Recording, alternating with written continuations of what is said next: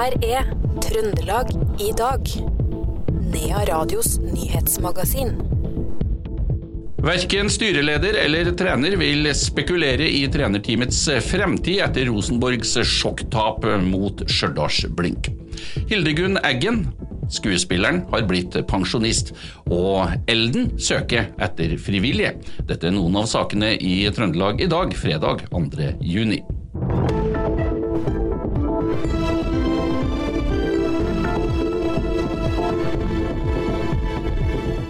Og vi starter på Stjørdal, for hele byen var høyt oppe etter gårsdagens 2-1-seier til Stjørdalsblink over Rosenborg.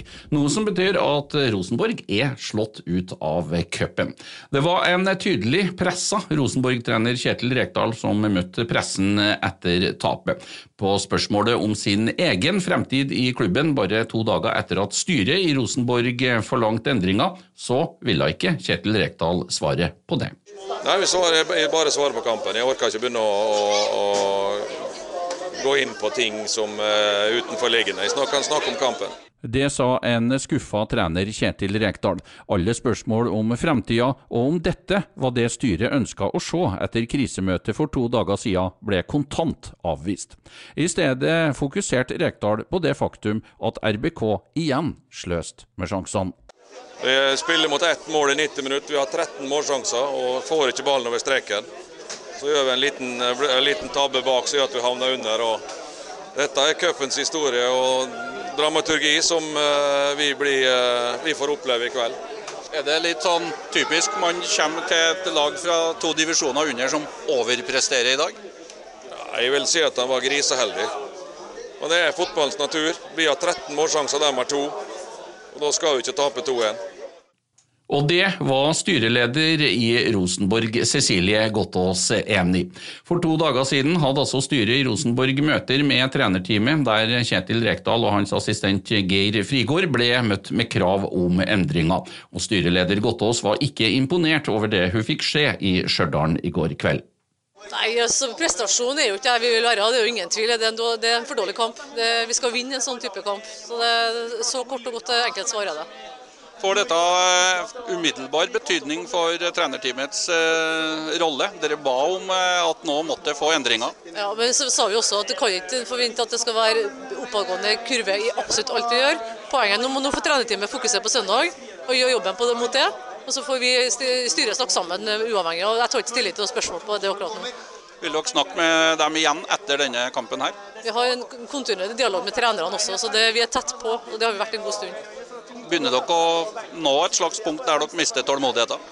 Vi skal jo ikke tape en sånn kamp. Det, og så er det enkelt å si, da, cup er cup, men vi skal ikke tape den kampen her. Det det sa Cecilie Gottaas. I den andre leiren, der var de litt blidere. Stjørdalsblinks første målskårer Andreas Solstrand Fossli er stolt av å være en del av kollektivet på Stjørdal.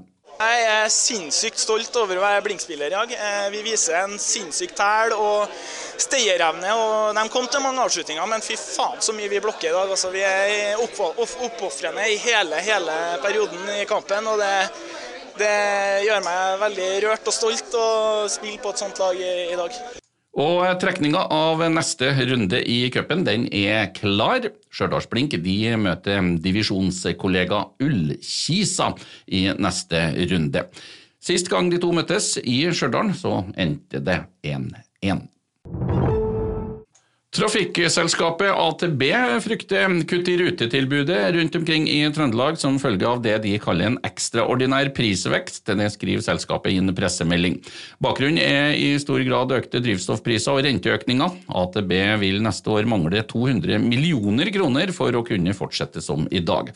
Nå mener de at økte tilskudd må til for å redde busstilbudet. Fosen-aksjonistene vil blokkere statsminister Jonas Gahr Støre sitt kontor, skriver VG. Tilliten til statsministeren er borte, sier aksjonist Ella Marie Hetta Isaksen.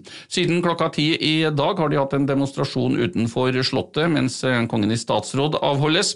Demonstrasjonene skjer fordi det er 600 dager siden dommen i Fosen-saken i Høyesterett som fastslo at vindkraftanleggene er et brudd på samenes rett til kulturutøvelse.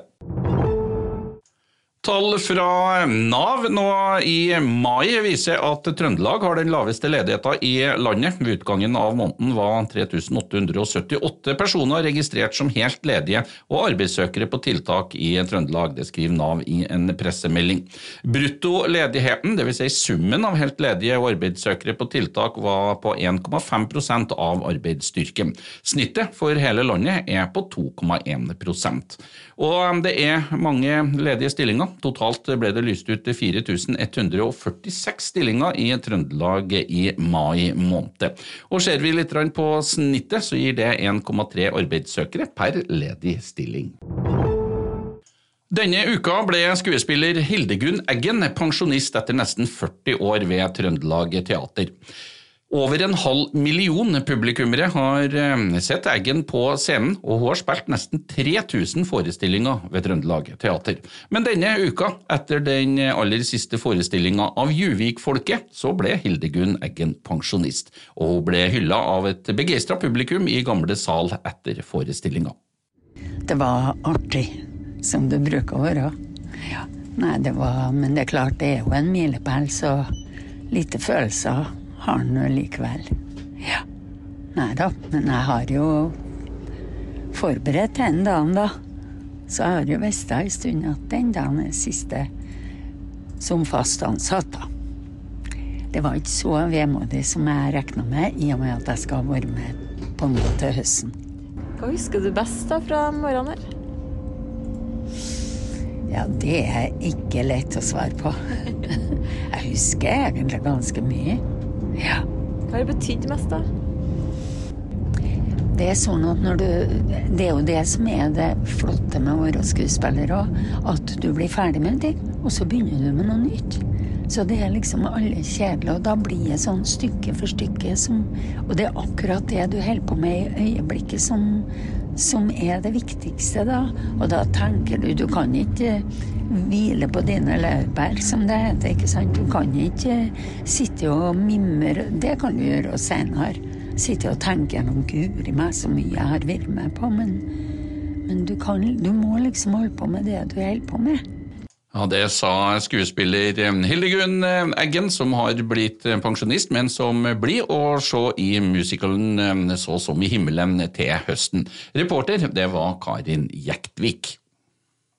Og vi skal holde oss ved teatret litt til, for Musikkteatret Elden på Røros har premiere i år den 26. juli. Men eh, for å arrangere et slikt spill så trengs 330 frivillige. Og vil du ha en litt annerledes sommerferie, ja da byr muligheten seg nå, sier daglig leder for Elden, Siri B. Gelein.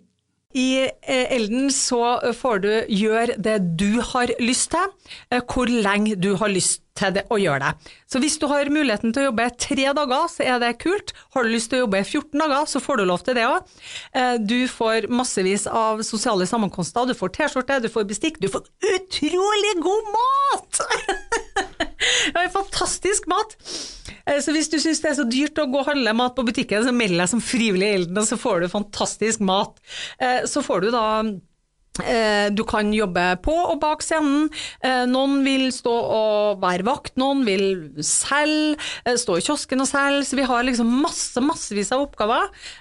Og da, hvis du bor på Røros, så kan du komme på Elden-kontoret i Trevarefabrikken og melde deg som frivillig, eller du kan gå på nettsidene våre, der finner du ut registreringsskjema, eller du kan skrive en e-post til oss uh, for å høre etter om det er noen ting som du kan bidra med. Og vi trenger mange hender. Vi trenger 330 stykker som kan uh, være med, enten for en kort periode eller en lengre periode. Ja, Det var daglig leder for Ellen Siri Begge Lane. Det reporter var Iver Valldal Lillegjerde, og vi gjentar at Ellen har premiere 26.07 og spilles fram til 5.8 i sommer, så det er bare å melde seg.